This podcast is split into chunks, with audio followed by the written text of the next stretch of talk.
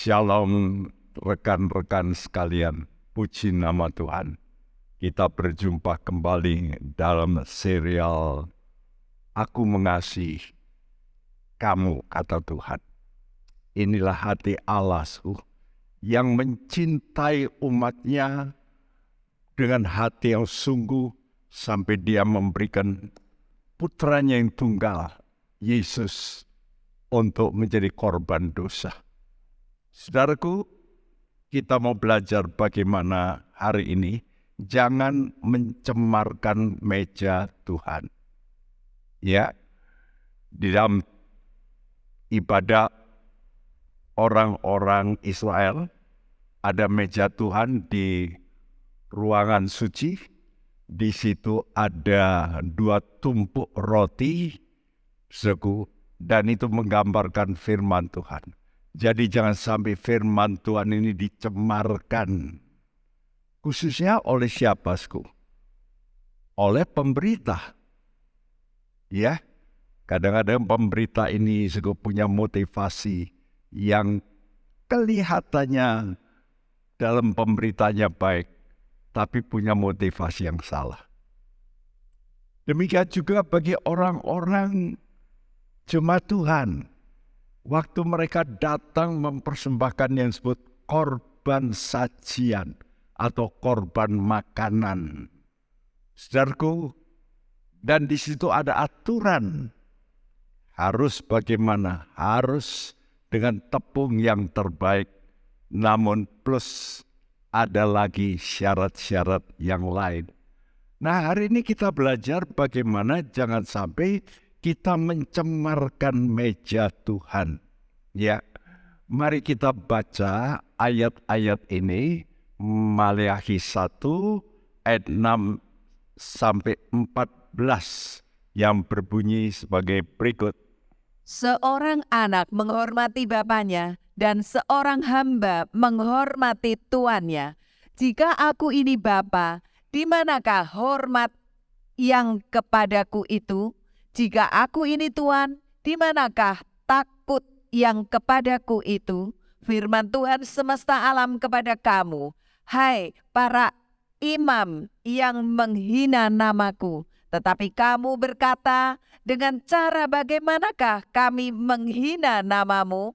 Kamu membawa roti cemar ke atas mezbahku, tetapi berkata dengan cara bagaimanakah kami mencemarkannya? Dalam ucapanmu, meja Tuhan boleh dihinakan apabila kamu membawa seekor binatang buta untuk dipersembahkan. Tidakkah itu jahat? Apabila kamu membawa binatang yang timpang dan sakit, tidakkah itu jahat? Cobalah menyampaikannya kepada bupatimu. Apakah ia berkenan kepadamu? Apalagi menyambut engkau dengan baik, firman Tuhan semesta alam. Maka sekarang cobalah melunakkan hati Allah supaya ia mengasihani kita. Oleh tangan kamulah terjadi hal itu. Masakan ia akan menyambut salah seorang daripadamu dengan baik? Firman Tuhan semesta alam sekiranya ada di antara kamu yang mau menutup pintu, supaya jangan kamu menyalakan api di mesbahku dengan percuma. Aku tidak suka kepada kamu, firman Tuhan semesta alam, dan aku tidak berkenan menerima persembahan dari tanganmu. Sebab dari terbitnya sampai kepada terbenamnya matahari, namaku besar di antara bangsa-bangsa, dan di setiap tempat dibakar dan dipersembahkan korban bagi namaku, dan juga korban sajian yang tahir, sebab namaku besar di antara bangsa-bangsa, firman Tuhan semesta alam tetapi kamu ini menajiskannya dalam ucapanmu. Meja Tuhan memang cemar dan makanan yang ada di situ boleh dihinakan. Kamu berkata, lihat alangkah susah payahnya dan kamu menyusahkan aku, firman Tuhan semesta alam. kamu membawa binatang yang dirampas, binatang yang timpang, dan binatang yang sakit. Kamu membawanya sebagai persembahan. Akan berkenankah aku menerimanya dari tanganmu? Firman Tuhan. Terkutuklah penipu yang mempunyai seekor binatang jantan di antara kawanan ternaknya yang dinasarkannya, tetapi ia mempersembahkan binatang yang cacat kepada Tuhan. Sebab aku ini raja yang besar, firman Tuhan semesta alam, dan namaku ditakuti di antara bangsa-bangsa. Iya, kita membaca di sini suatu argumentasi ya suku antara Tuhan dengan para imam. Wow, ini berarti sku argumentasinya Tuhan terhadap hamba-hamba Tuhan. Ya, dan Tuhan memperkenalkan dalam satu konfrontasi ini siapa dia. Yaitu Tuhan semesta alam.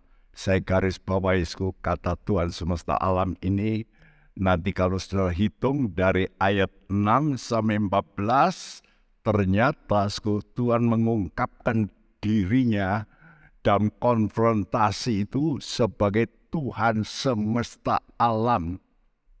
Bayangin su ya, kalau Tuhan sudah menunjukkan siapa dia, ini kan mestinya kita itu mesti belajar, eh hati-hati nih, yang ngomong ini Tuhan semesta alam.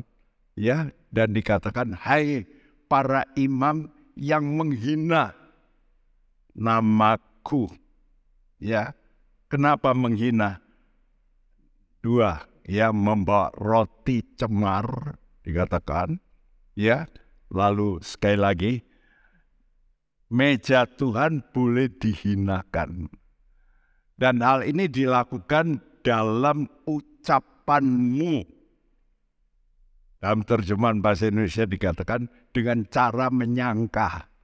Ya mestinya dalam ucapanmu. Dan ini diulangi lagi dalam ucapanmu. Lalu Tuhan kata coba bayangkan kalau kamu memberikan pada bupatimu yang cacat, yang timpang. Apakah dia itu berkenan menerima? firman Tuhan semesta alam lo.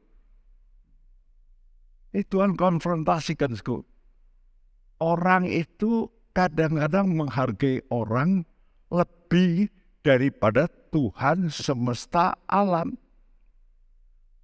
Tapi Tuhan masih kasih kesempatan. Cobalah melunakkan hati Allah. Supaya ia mengasihani kita. Betapa pentingnya sebab kita ini sering salah. Kita butuh belas kasihan Tuhan dalam menilai Tuhan. Seringkali kita menilai manusia lebih tinggi daripada menilai Tuhan. Ya, sehingga Tuhan berkata, cobalah kamu melunakkan hati Tuhan supaya dia itu bisa berbelas kasihan kepada kita. Ini kata-kata yang tajam. Aku tidak suka kepada kamu, hamba-hamba Tuhan, imam. Firman Tuhan semesta alam. Aku tidak berkenan menerima persembahan dari tanganmu. Ya, lalu Tuhan tunjukkan siapa diasku. Ya, bahwa namaku itu besar di antara bangsa-bangsa.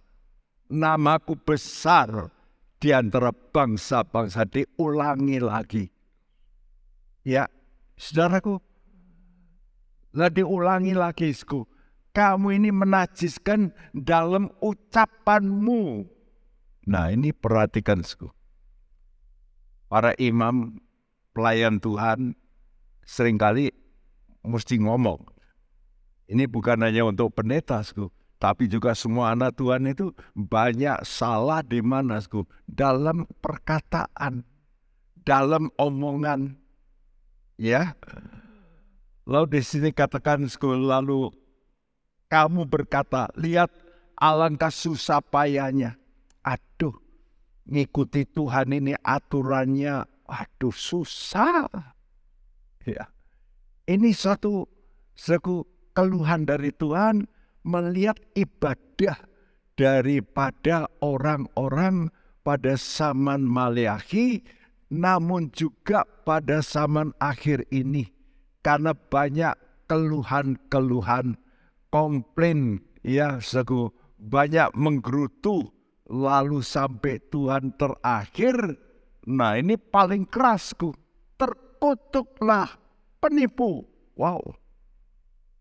Seku ini kalau saya baca ini urutan-urutan ini lalu Tuhan itu meluapkan kejengkelannya kepada semua kita anak-anak Tuhan khususnya hamba-hamba Tuhan yang memakai ucapan dengan motivasi yang salah.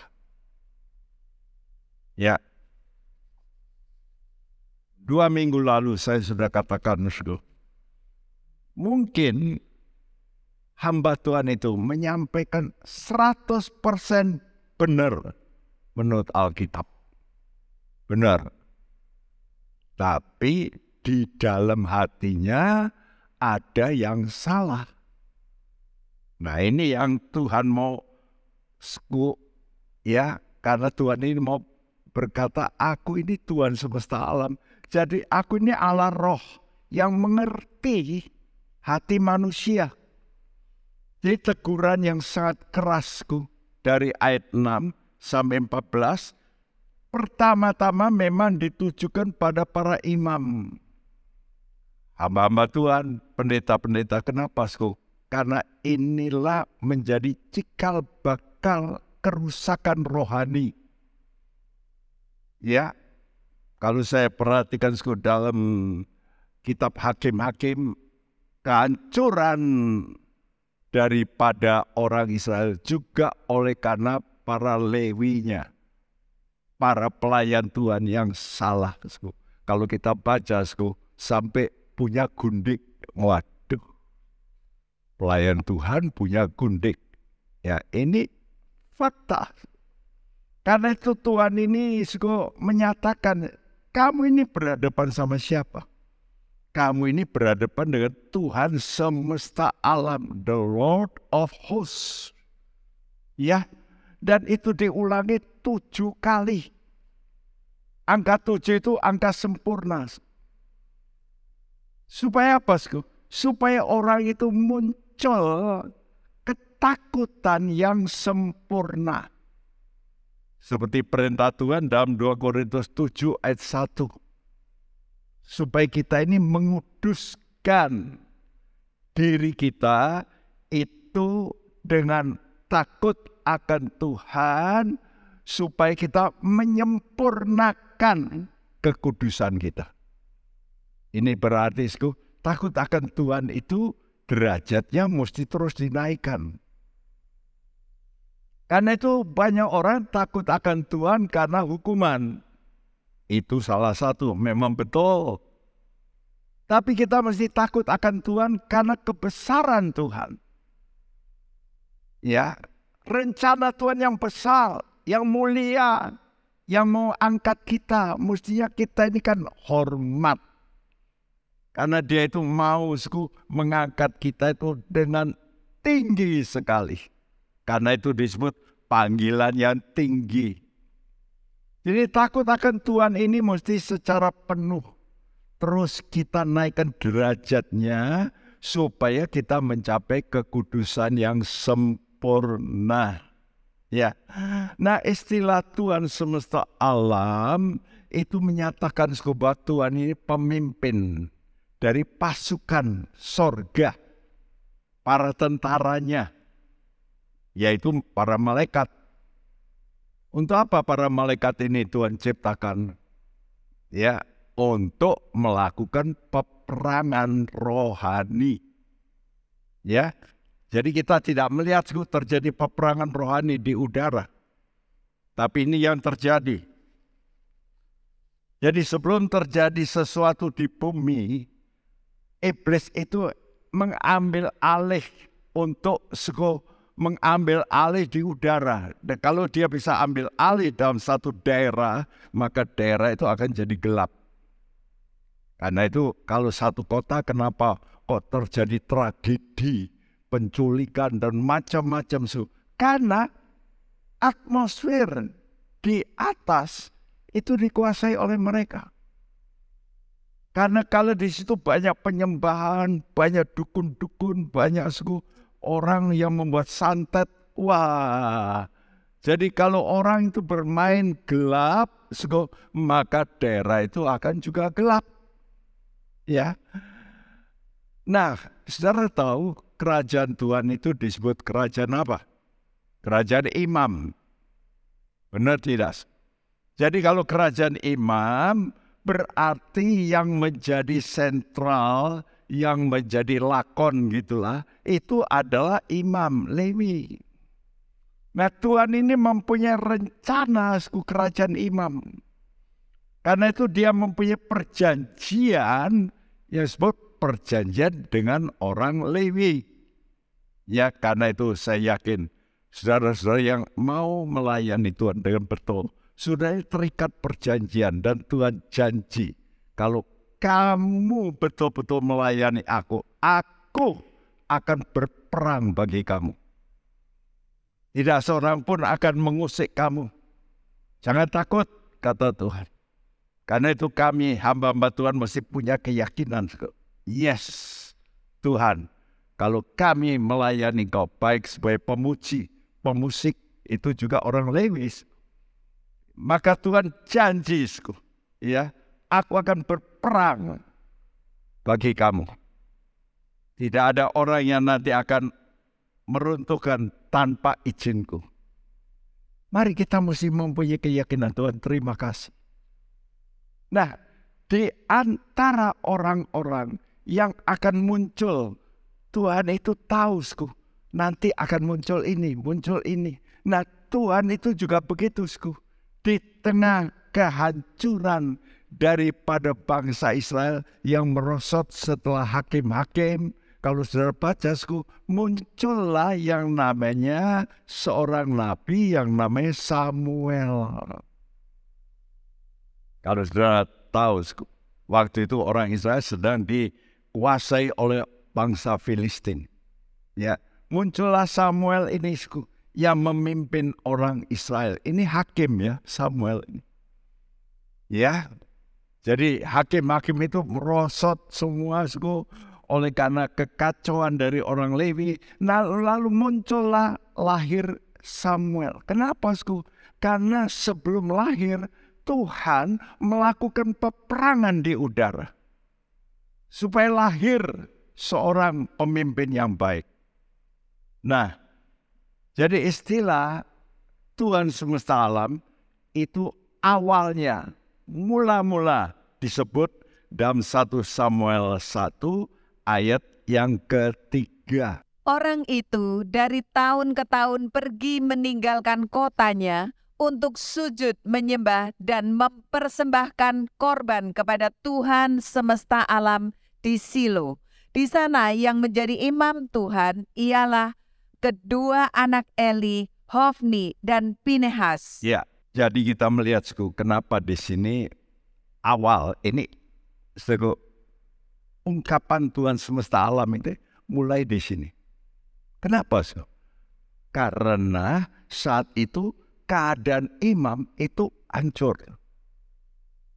Wah, kenapa hancur? Ya karena Hofni Pinehasku yang kena dengan pengaruh duniawi, kedagingan, nah Tuhan tentu marah dalam alam roh. Oke, aku akan berperang kalau begitu dalam alam roh. Ya, untuk apa? Untuk memunculkan hambaku yang akan memimpin umatku. Jadi penting, saudara, betapa pentingnya peperangan ini. Nah, kalau saudara mengerti Alkitab Septuaginta, itulah Alkitab ya terjemahan bahasa Ibrani ke Yunani menyebut kitab Samuel itu kitab raja-raja. Karena itu Samuel 1, Samuel 2 itu Raja-Raja 1, Raja-Raja 2. Lalu kitab Raja-Raja 1 itu kitab Raja-Raja 3 dan kitab Raja-Raja 4. Jadi empat kitab kerajaan. Kenapa, Sku? Karena dalam konsep Tuhan, kerajaan Tuhan itu bentuknya kerajaan. Di mana ada kerajaan, di situ ada peperangan karena ingin meruntuhkan siapa? Iblis. Ya, dengan pengikutnya. Jadi peperangan rohani itu mulai terjadi dalam keluarga rohani. Karena itu kenapa, Sku? Keluarganya pendeta itu sering diserang. Betul nggak? Lihat tuh, anak-anak pendeta kadang-kadang inilah, itulah sing orang dulu anak pendeta kok begitu. Ya itu memang itu gayanya iblis. Ya, untuk apa, sku? Untuk meruntuhkan. Ya. Dan kita tahu, sku, Elkana ini seorang Lewi. Walaupun dia tinggal di Efraim. Ya, karena itu dari Efraim gitu. Karena tempatnya di uh, kerajaan utara. Ya, tapi dia keturunan Kehat. Jadi Tuhan itu mau campur tangan dalam kelahiran Nabi Samuel. Supaya muncul Samuel untuk bisa membersihkan, meluruskan orang Israel yang sedang downgrade, turun ya. Dan ini perlu ada suatu pergumulan lebih dulu. Dan Tuhan menaruh beban dalam hati satu keluarga Elkana yang punya istri Hana, tapi Elkana punya lagi istri kedua, sego gundiknya Penina yang selalu membuli Hana. Dan di situlah Tuhan memberikan rohnya kepada Hana supaya dia kuat, dia berdoa, dengan tekun. Karena itu peperangan rohani tidak bisa dilepaskan dari doa. Gereja Tuhan sama. Ya, sering kali muncul orang pembuli-pembuli di gereja. Betul nggak sih? Loh, itu kok gitu? Oh, tukang gosip lah. Kalau kita mau membungkam mulut mereka, kita kan tidak senang juga. Ada orang gosip ya, menggosipkan ini, gosipkan itu. Nah bagaimana caranya? Gak gampang. Karena itu watak ya, kalau nggak bertobat sulit. Ya lakukan peperangan rohani. Supaya muncul orang-orang yang bisa meluruskan. Jadi nyata peran Tuhan, Tuhan semesta alam itu nyata di Silo ya di mana saat itu tabut Tuhan ada di situ. Di situ ada seorang uh, ibu yang bernama Hana.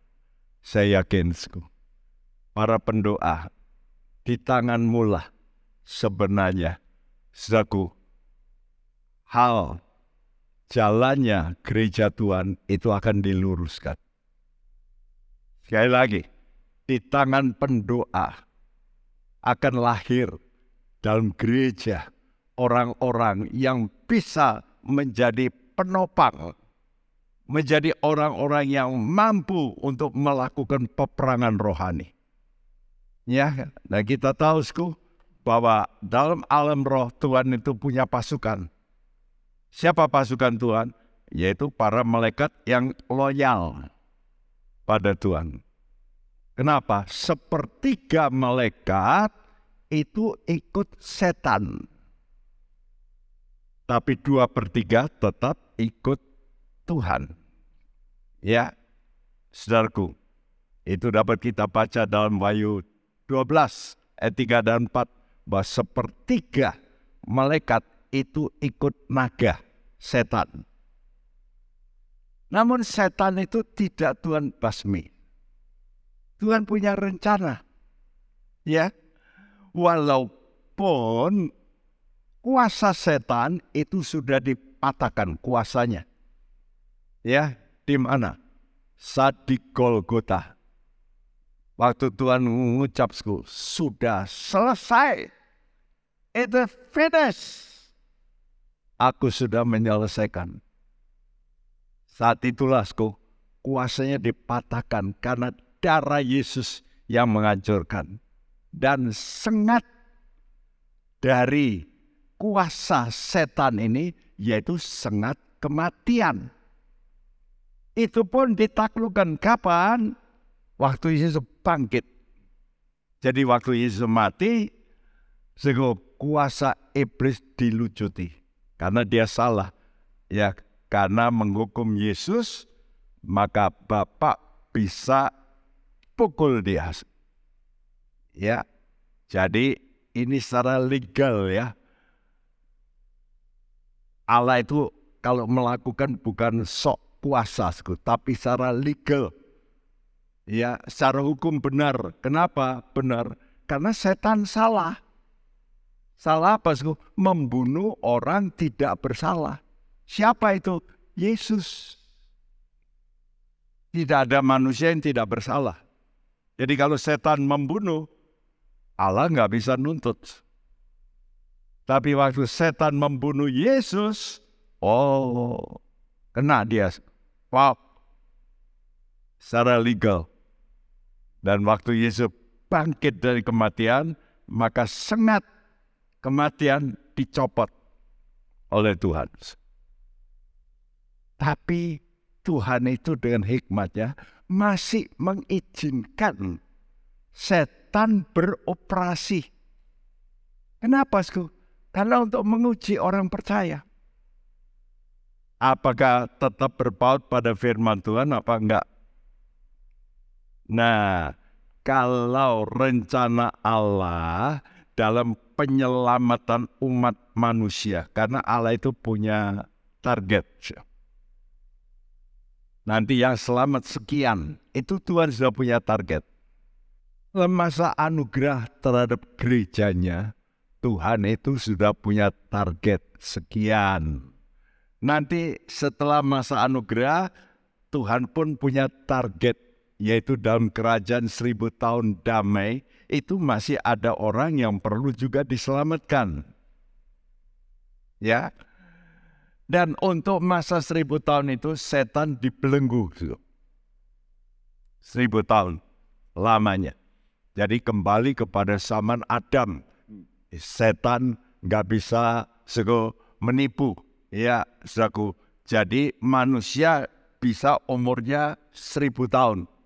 Eh, Tuhan kasih kesempatan terakhir. Nah, jadi Tuhan itu punya rencana dalam penyelamatan. Ingat, Tuhan itu punya detail sampai jumlahnya. ya. Nah, Tuhan tahu berapa yang akan diselamatkan. Begitu juga rencana menyelamatkan bangsa Yahudi. Dan saya tuliskan di sini, bangsa domba. Siapa itu bangsa dombasku? Bangsa domba itu orang yang punya etikat baik. Dia tidak kenal Yesus, tapi punya hati yang baik. Itu masih Tuhan kasih kesempatan nanti. Ya, Zaku, apalagi kalau dia melihat bangsa Israel menderita lalu menolong umat pilihan Tuhan. Wah, Tuhan perhitungkan, itu disebut bangsa domba. Tapi bangsa domba ini belum selamat total dalam kerajaan seribu tahun. Kenapa? Karena iblis dilepas lagi pada akhir seribu tahun. Untuk apa? Untuk menguji mereka yang bisa hidup sampai seribu tahun itu diuji lagi. Ya, nah kalau sudah itu iblis ternyata masih mampu menipu banyak orang. Aneh ya, sudah diperintah Tuhan seribu tahun dengan kondisi prima, masih ada orang memberontak. Jadi kalau begitu jangan sudah pikir semua ini gara-gara iblis. Bukan, sku. Manusia sudah dikasih kesempatan seperti zamannya Adam. Jadi nanti diulangi. Tapi ternyata begitu banyak orang juga ada yang ikut iblis. Saat iblis dilepas dari penjaranya. Mari kita lihat gambar ini supaya saudara bisa sedikit belajar mengenal apa itu rencana. Ini timetable-nya Tuhan. Ya. Jadi saya gambarkan di sini, suku, yaitu salib Tuhan. Ya. Nah, setelah Yesus mati di salib, maka inilah zaman anugerah, yaitu zaman gereja selama 2000 tahun. Lengkungan yang panjang ini kurang lebih 2000 tahun. Ya, setelah itu suku maka ada BSG, buah sulung gereja. Kenapa?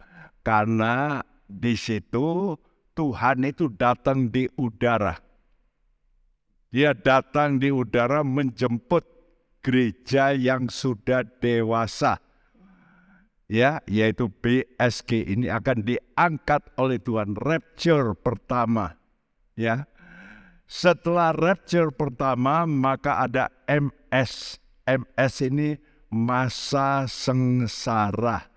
Ini dalam kitab Daniel di, sudah diplot oleh Tuhan selama tujuh tahun lamanya MS ini setelah itu maka Tuhan datang kedua kali. Ya, jadi ini ke bumi. Kalau kedatangan Kristus di udara, itu dia tidak ke bumi. Kalau yang merah ini kedatangan Tuhan ke bumi. Nah, dalam masa sengsara itu, MS, saya tulis di ujung kiri sisa Israel. Kenapa disebut sisa? Karena yang lain semua dibunuh oleh antikris. Ya, pada masa sengsara. Tapi ada sisa. Yang sisa ini waktu terjepit mereka teriak. Melihat Yesus mereka teriak. Yesus engkau Allah kami terima.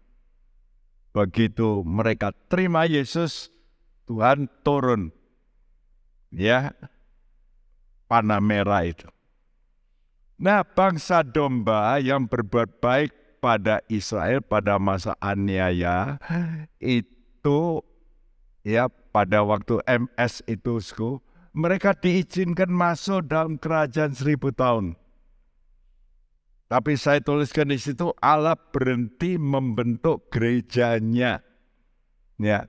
Jadi Allah tidak lagi memberikan kesempatan yang disebut gereja ya tapi di situ orang-orang baik orang-orang yang punya sifat domba ya nah nanti dalam kerajaan seribu tahun ini masih diuji lagi karena itu seribu tahun ini masa dispensasi terakhir kepada siapa kepada Israel yang tersisa ya dan juga bangsa yang baik, bangsa domba yang lulus masuk dalam kerajaannya, kerajaan yang kekal. Setelah seribu tahun ada kerajaan yang kekal, seku.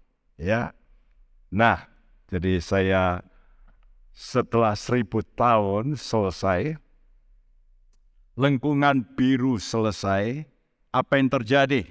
Setelah seribu tahun, iblis dilepas ya dari penjaranya. Nah, waktu dia dilepasku, maka orang-orang dalam kerajaan seribu tahun yang mengalami pemerintahan damai itu masih ada yang bisa memberontak. Aneh ya. Karena itu jangan saudara salahkan Adam ya. Oh, Adam. Tapi Tuhan buktikan nanti.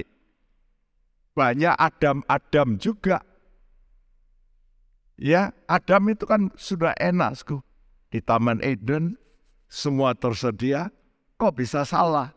Nah nanti dalam kerajaan seribu tahun, ternyata juga banyak orang seperti Adam. Bisa salah juga, memberontak. Karena itu mereka dengan iblis dijebloskan dalam gehina setelah mereka diadili di tahta putih. Ya, ini kamu salahnya ini. Lalu mereka dijebloskan dalam gehena ini lautan api. Nah inilah yang disebut neraka yang kekal. Ya, jadi kalau sekarang ada orang mati, belum masuk neraka kekal, belum. Masih masuk neraka transit. Jadi ingat-ingat itu. Karena itu sungguh Tuhan mengeluh begini. Kalau aku ini Tuhan, di manakah takut kepadaku itu? Firman Tuhan semesta alam. Hai para imam. Wow. Ini saya berkata ini untuk diri saya khususnya. Juga teman-teman para hamba Tuhan. Hati-hati, karena Tuhan di sini betul-betul tegurku yang namanya hamba Tuhan. Karena hamba Tuhan itu banyak memakai ucapan-ucapan. Di dalam banyak perkataan, kata Tuhan banyak salah. Karena itu hati-hati ya. Ini bukan berarti cuma pendeta yang salah. Semua kita bisa salah dalam kata-kata kita. Tapi ada hamba-hamba Tuhan yang memang khusus jadi pendeta, tapi disebut Tuhan hamba uang. Ya, atau orang yang punya jabatan lah. Tapi punya keinginan untuk uang. Dan Paulus menyebut orang-orang demikian ini seteru musuh salib Kristus. Karena itu saya peringatkan untuk diri saya dan juga rekan-rekan hati-hati jangan sampai kita dicap oleh Tuhan sebagai setru salib Kristus. Karena itu soal uang ini betul-betul sensitif bagi Tuhan. Ya, Kadang-kadang orang melayani, tapi hatinya ingin duit. Wow, ini siapa yang tahu? Siapa yang bisa tahu? Hanya Tuhan. Tidak ada orang tahu.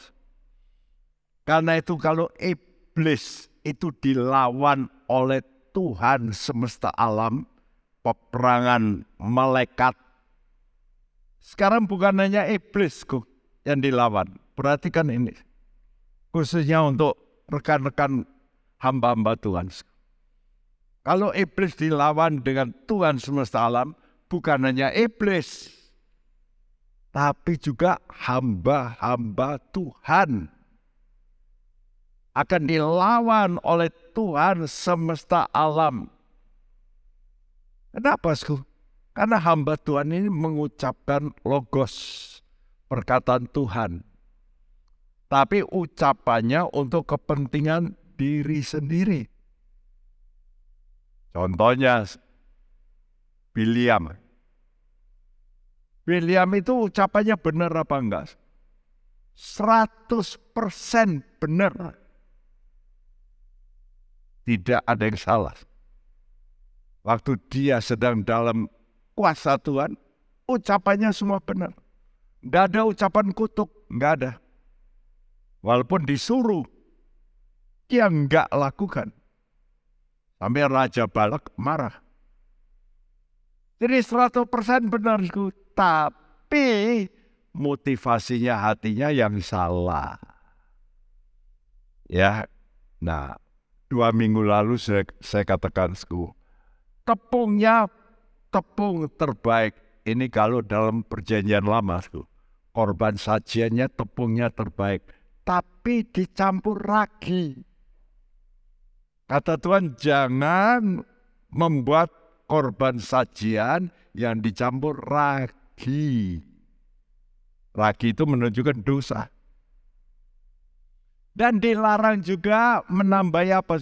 Madu. Madu itu ucapan-ucapan yang memukau, manis. Ya. Karena itu hamba-hamba Tuhan kadang-kadang itu mengangkat-ngangkat jemaat dengan kata-kata manis supaya apa? Supaya keluar duitnya. Ini bahaya sekali ya. Jadi kita jangan sampai memberi pemanis-pemanis yang bukan dari Tuhan. Memang firman Tuhan juga manis. Tapi kalau dijalankan pahit. Betul enggak? Itu firman Tuhan. Nah, perlawanan Tuhan kepada hamba-hamba Tuhan ini nanti sempurna. Kenapa, Sur? Yang pertama, menghina nama Tuhan dengan mempersembahkan korban yang apa? Buta, timpang, sakit. Tadi kita baca. Apa itu korban binatang buta? Itu gambaran itu. Kita ibadah korban tapi tanpa iman. Karena iman itu yang bisa melihat. Ya. Jadi apa itu faith? Faith, faith itu see the unseen. Melihat yang tidak kelihatan itu iman. Nah kalau kita mempersembahkan binatang buta itu artinya suku, ibadah kita dengan suku, mungkin nyanyi, mungkin ini, tapi tidak dengan iman, tidak kita tujukan karena Yesus.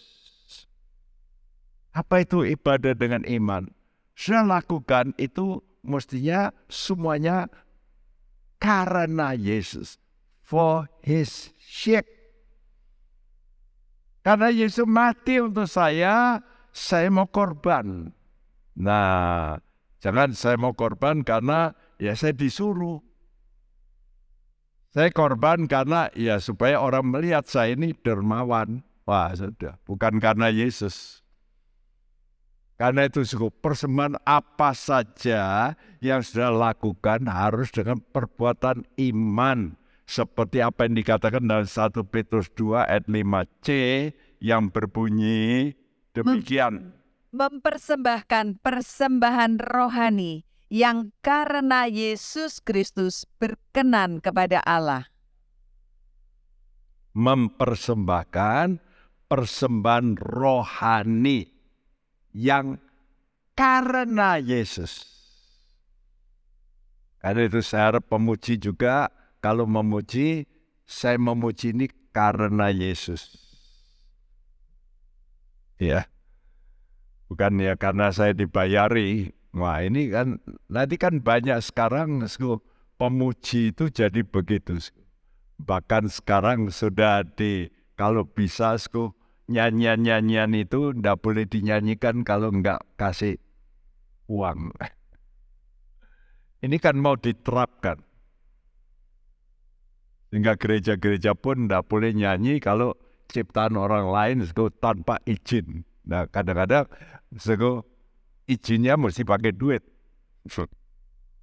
Wah, jadi skala perkara itu sekarang dikemas dengan itu. Saya rasa ini apa rohani ya? Karena kita ini kan mesti mempersembahkan karena Yesus. Ya, kalau dikasih ya oke okay gitu ya, mestinya begitu. Jadi kita harus mempersembahkan persembahan itu karena Yesus yang memberikan hidup kepada kita. Apa itu korban binatang timpang? Timpang itu sku, ya nggak bisa baik jalannya. Itulah sku, ibadat tanpa kerelaan. Jadi dengan ragu. Bukan satu, wah, satu loyalitas. Tapi ragu seperti yang dialami pada zaman Ahab memerintah Elia. Dia marah lalu apa yang dikatakan dalam satu Raja-Raja 18 ayat 21 Lalu Elia mendekati seluruh rakyat itu dan berkata, Berapa lama lagi kamu berlaku timpang dan bercabang hati? Kalau Tuhan itu Allah, ikutilah dia dan kalau Baal, ikutilah dia. Tetapi rakyat itu tidak menjawabnya sepatah kata pun. Ya, kamu berlaku timpang. Kebimbangan. Jadi tanpa kerelaan orang kalau nggak rela itu bimbang. Yang ketiga katakan korban binatang sakit. Ya. Jadi sudah menyanyi tapi hatimu itu tidak ada rasa bersyukur. Ada rasa gerutuan tapi ya karena ini memang waktunya memuji ya sudahlah. Ya, sego padahal Tuhan berkata mengucap syukurlah dalam segala hal, dalam segala kondisi. Jadi kita ini bersyukur karena penebus kita Yesus sudah melakukan ya. Jadi ibadah sering kali dilakukan tanpa iman, tanpa kerelaan, tanpa ucapan syukur itu ibadah agamawi yang hanya bersifat ritual untuk apa? Memuaskan manusia seperti memberikan pada gubernur lebih baik daripada kepada Tuhan. Itu yang menjadi komplain Tuhan. Kenapa ya? Karena bisa dilihat. Kalau kita memberikan pada gubernur kan kelihatan. Tapi kepada Tuhan kan apalagi kolektor dimasukkan ya, ya ditutup begitu. Siapa yang tahu? Saudaraku. Yang kedua, bagaimana menghina Tuhan. Ya yaitu kalau orang beribadah dengan berat hati. Ya dengan berkata seperti ini lihat alangkah susah payahnya. Ini komplain dari orang-orang. Ya dan juga imam. Waduh ritual itu mesti aduh tetemenge aturannya. Aduh susah nih. Ya memang susah sku zaman itu. Ya kalau cari lembu misalnya sku lembu merah itu enggak tidak boleh ada bulu satu yang enggak merah. Nah, apa enggak repot itu? Ya, jadi mereka berkata kok susah tuh. Aturannya jelimet, sulit. Mengapa, Sku? kadang-kadang kita itu berat hati. Kenapa? Tanpa kasih. ya, orang yang tanpa kasih, ya waktu membaca Alkitab pun tanpa kasih. Ha, disuruh mami kok harus baca. Disuruh Pak Pendeta harus, aduh. Ya sudah, baca. Tapi dengan hati yang berat. Ya, kenapa berat? Karena tanpa hadirat Tuhan. Di mana ada hadirat Tuhan, itu Roh Kudus. Di mana ada Roh Kudus, di situ dicurahkan kasih Allah. Jadi kalau orang itu mengasihi, dia akan merasakan semuanya itu tidak berat seperti apa yang dikatakan Tuhan dalam Matius 11 ayat 29 sampai 30. Pikulah kuk yang kupasang dan belajarlah padaku, karena aku lemah lembut dan rendah hati, dan jiwamu akan mendapat ketenangan. Sebab kuk yang kupasang itu enak dan bebanku pun ringan. Ya, kuk yang kupasang itu enak dan ringan. Kalau kita mencintai Tuhan, segala perkara itu jadi ringan sebetulnya. Sebab itu kita diminta untuk melunakkan hati Tuhan. Tadi katakan, cobalah lunakan hatiku. Ya, supaya aku ini bisa berbelas kasihan. Dengan apa kita melunakkan hati Tuhan? Mudah. Datanglah dengan kerendahan hati. Tuhan itu leleh hatinya, sku. Kalau orang datang dengan jeritan, dengan merendahkan hati. Lihat, sku. Perempuan Siropuniki. Dia datang dengan kerendahan hati, walaupun dikatakan Tuhan, tidak patut roti itu dilempar untuk anjing. Tapi waktu dia menjawab, Tuhan, bukankah anjing pun itu boleh makan remah-remah? Padahal Tuhan disuruh oleh Allah Bapa tidak memberitakan kepada orang kafir. tapi hanya untuk orang Israel. Tapi dia berbelas kasihan kepada orang kafir ini. Tuhan itu bisa ditaklukkan hatinya. Ingat-ingat, hati Tuhan bisa Anda taklukkan. Kalau sudah datang berlutut, nangis, berseru, merendahkan diri, minta ampun. Tuhan berkata, oke, okay, I will do it.